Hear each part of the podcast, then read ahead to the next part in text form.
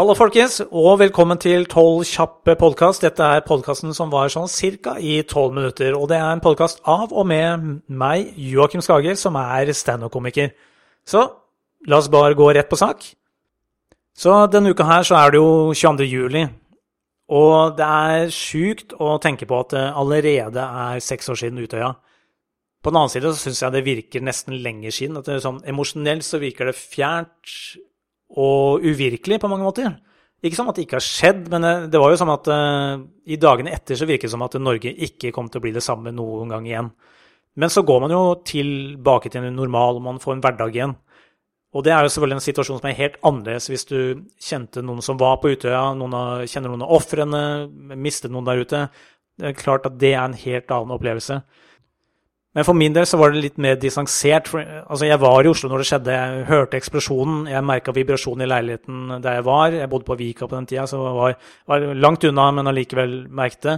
Og jeg husker jo nyhetene i spekulasjonen om at dette kunne være terrorangrep.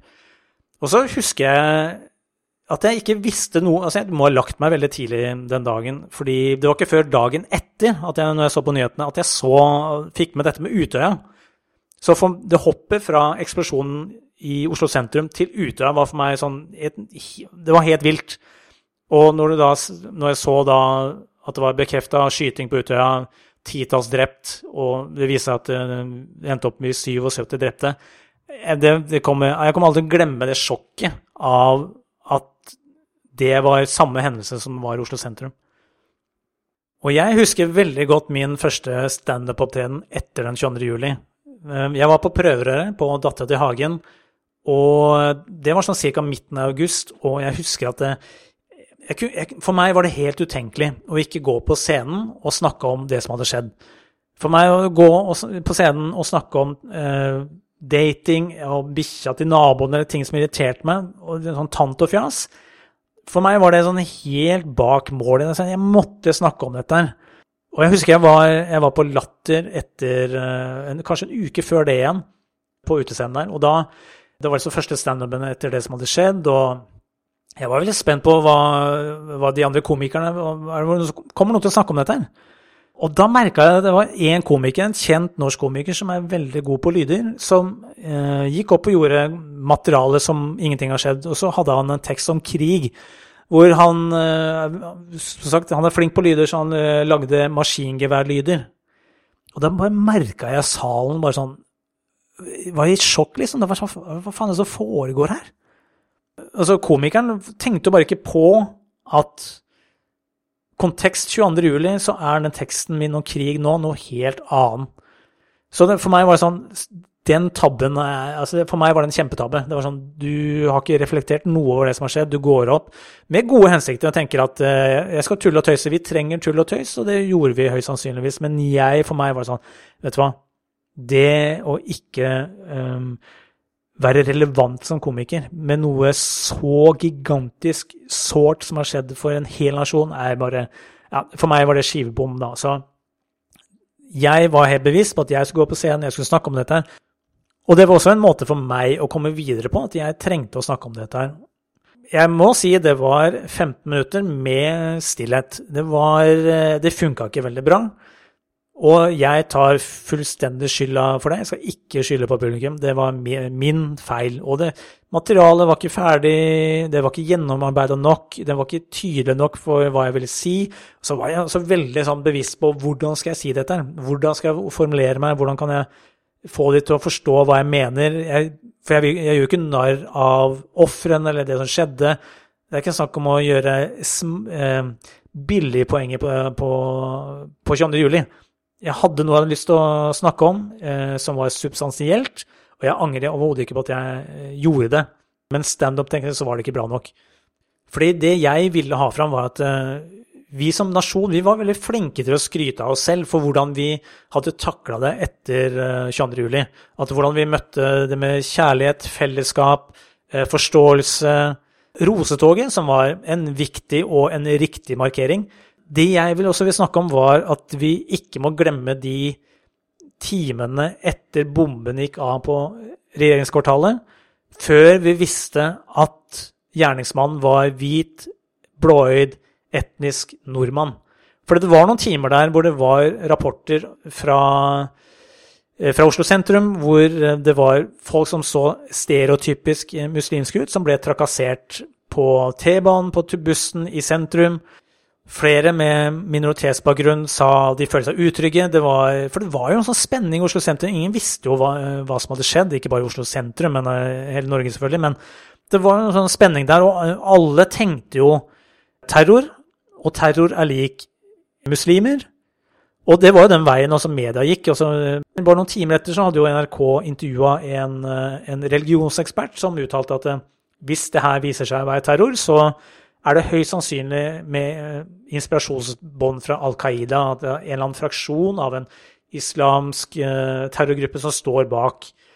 I etterkant så har også han, generalsekretæren av Islamsk råd han også snakket om at han ble jo ringt ned av journalister fra Norge og utlandet som Eh, som lurte på om han visste om noe, Visste han om terrorangrepet? visste han kanskje til noen som sto bak, hvorfor ble Norge angrepet? Så var liksom, alt gikk jo den retningen. Så når sjokket kom for oss, at det var en av oss, at dette var en hvit nordmann, blå øyer, så er det jo ikke så veldig vanskelig for oss å vise raushet eh, og storhet i tiden etterpå. For jeg tror at mye av det også var dårlig samvittighet, for vi tenkte alle den samme retningen i timer etterpå. Og når sjokket kom etterpå, så var det sånn ah, Fuck, det Ok, her har vi driti oss ut, liksom. Så det, jeg tror det var mye dårlig samvittighet bak det også. Jeg tror, jeg tror, klimaet hadde vært ganske annerledes i Norge for muslimer og minoriteter hvis det hadde vist seg at det var en uh, islamsk terrorgruppe som sto bak. Så det jeg ville ha fram da, på scenen den dagen, er at, at vi, ja, vi reagerte med, med, kjærlighet og fellesskap. Men det er jo lett når det var en av oss.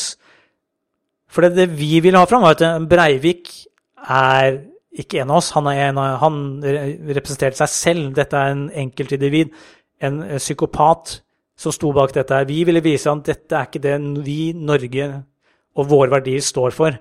Men hadde vi vært like rasjonelle på det. Hvis det hadde vært en muslimsk terrorgruppe som sto bak, hadde vi vist norske muslimer den samme åpenheten og forståelsen og kjærligheten som vi gjorde med oss selv. La oss bremse litt eh, i å klappe oss selv på skulderen, men også tenke litt rasjonelt på dette her. Og det, så hadde jeg et eller annet poeng med, med rostog. Jeg syns det var litt morsomt da, at, eh, at folk som gikk i rostog, hadde med hunden sin. Hunden sin! Altså, du skal liksom markere kjærlighet og avsky, men samtidig, Ludde trenger også luft.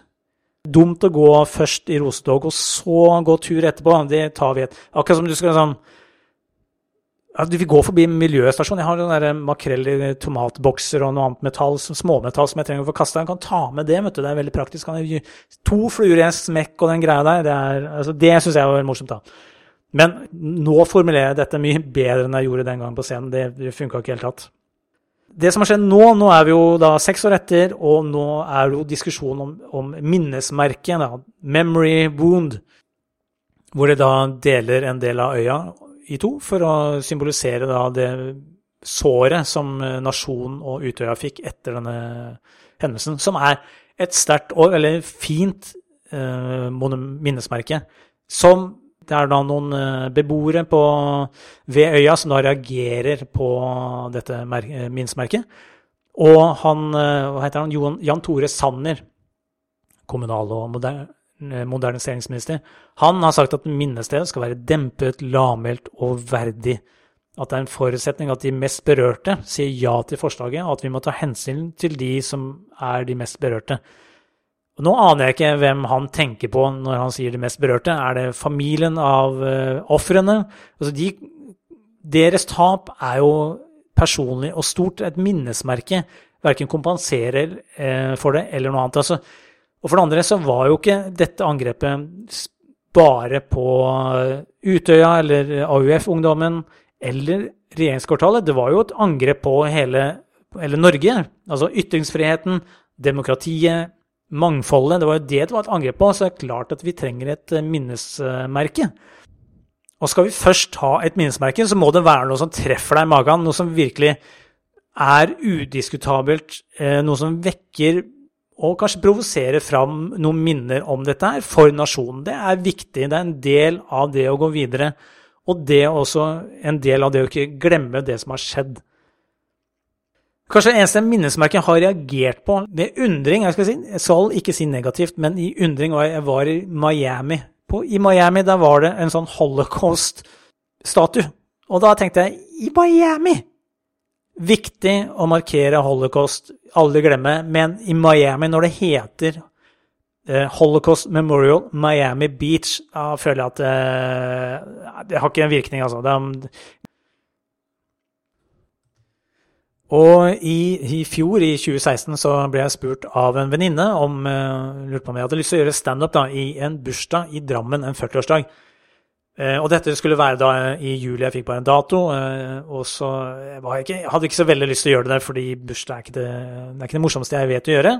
Men så spurte jeg liksom er, hvordan folk er dette, er det noen du kjenner, eller hvem er de, og hvor mange er de? Og så sa han at det, er en kompis henne som er inder, så det kommer til å være mest indere og noen pakistanere på denne bursdagen. Og med en gang jeg hørte det, så tenkte jeg det skal jeg gjøre. Jeg bare sånn fuck it, dette høres jævlig gøy ut. Og jeg var nesten sånn Jeg driter i hvor lite jeg får betalt. Dette har jeg lyst til å gjøre fordi det høres morsomt og utfordrende ut. Så jeg bare sånn det, Ja, det gjør jeg. Og så eh, møtte jeg da han eh, lillebroren til han som fylte 40. Det var han som eh, hyra meg. Og jeg måtte jo Han er jo norsk, født i Norge, eh, i Drammen. Men også foreldrene er indiske og tradisjonelle indiske, så han har da en fot i det norske miljøet og det indiske miljøet. Så jeg måtte jo stille kanskje dumme spørsmål, men jeg, jeg ante ikke. Så jeg, liksom, hvordan er det liksom å, liksom sjonglere de to tingene, da? Og som jeg sa, det kan jo være noen ganger litt utfordrende, med, spesielt sånn i forhold til dating og damer og sånt, at, eh, at, eh, de foreldrene hans vil jo gjerne at han gifter seg med en indisk dame, for han er ikke det viktig i det hele tatt. Han er sånn Jeg er norsk, og den jeg møter, den møter jeg, liksom. Og så, som han sa, hvis han tar med en dame hjem, så sånn, tenker jo foreldrene dette er skrittet før giftermål, liksom. Så det er ikke sånn, eh, det er ikke bare å ta med en dame hjem. Må, da, da må du forklare det at nei, nei, men det er ikke sånn, eh, sånn det er, og bla, bla. Men så er det mange sånne spørsmål hadde. Men når jeg begynte å liksom høre fra han om denne gjengen også, så hørte de bare helt Jeg var sånn, jeg gleder meg så jævlig. Og så kom jeg dit. Eh, jeg vet ikke hvor mange som er der. Det er sikkert 80 stykker der, da. Kjempe, det var som å komme inn i en Bollywood-film. Det var så fantastisk vakkert. Alle fargene, alle damene går i disse indiske draktene sine. Gutta går veldig sånn tradisjonelt norske øh, Altså det var ikke noe sånn forskjell på det. Det var dress og den pakka der. Noen selvfølgelig tradisjonelle ting. Og så var det noen sånne gode, sånne gode sikher. Disse gamle, sånne eldre menn med svært skjegg med sånn eh, turban. Det sånn, dette er jo helt fantastisk, liksom. Samtidig var jeg dritnervøs, for jeg fikk jo, det, var jo det var unger, det var voksne, det var gamle, noen kunne ikke norsk. Så det var jo en utfordrende Utgangspunktet var utfordrende. Det gikk fantastisk bra, det var kjempegøy, og jeg hadde masse materiale på de gutta. Og bare for et eksempel, han ene av de er en av kompisene til han som ble 40. Han har båt, han, som de sier. Han er den eneste inderen som har båtførerbevis og båten hans het Integrert 2. Det er jo så gøy! Det er jo kjempegøy! Det er jo så jævlig gøy. Og som de sa, når, eh, når han er ute på fjorden, så hører du liksom sånn indisk bangla-musikk fra fjorden. Og det er bare sånn Dette er jo helt fantastisk. Så det var, det var kjempegøy. Og så slo det meg i noen dager før at den bursdagen var 22. juli og den var sånn, tenkte jeg, fy faen, det er jo ikke noe bedre eller mer perfekt sånn fuck you til Breivik og det han prøvde å gjøre med terrorangrepet hans, enn at en indisk familie hyrer en norsk standup-komiker som ser hvit, 43, han var 42 år da, 42 år skalla, ser ut som en nynazist. Det her viser fellesskap, kjærlighet og alle de verdiene vi står for. Det var helt nydelig. Så tusen takk for at du hørte på. Dette har vært første episode av Tolv kjappe podkast med meg, Joakim Skage. Vi høres.